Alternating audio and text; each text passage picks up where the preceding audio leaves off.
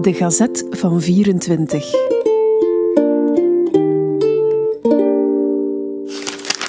...1 februari 1924. Zekere Bamps fabriekwerker, die zijn hond wilde verdrinken, ging met het dier naar de Maas.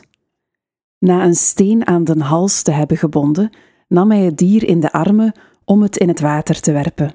Hij ging daarbij zo onbehendig te werk dat hij zelf te water viel en verdronk. Het slachtoffer was 33 jaar oud en vader van vier kinderen.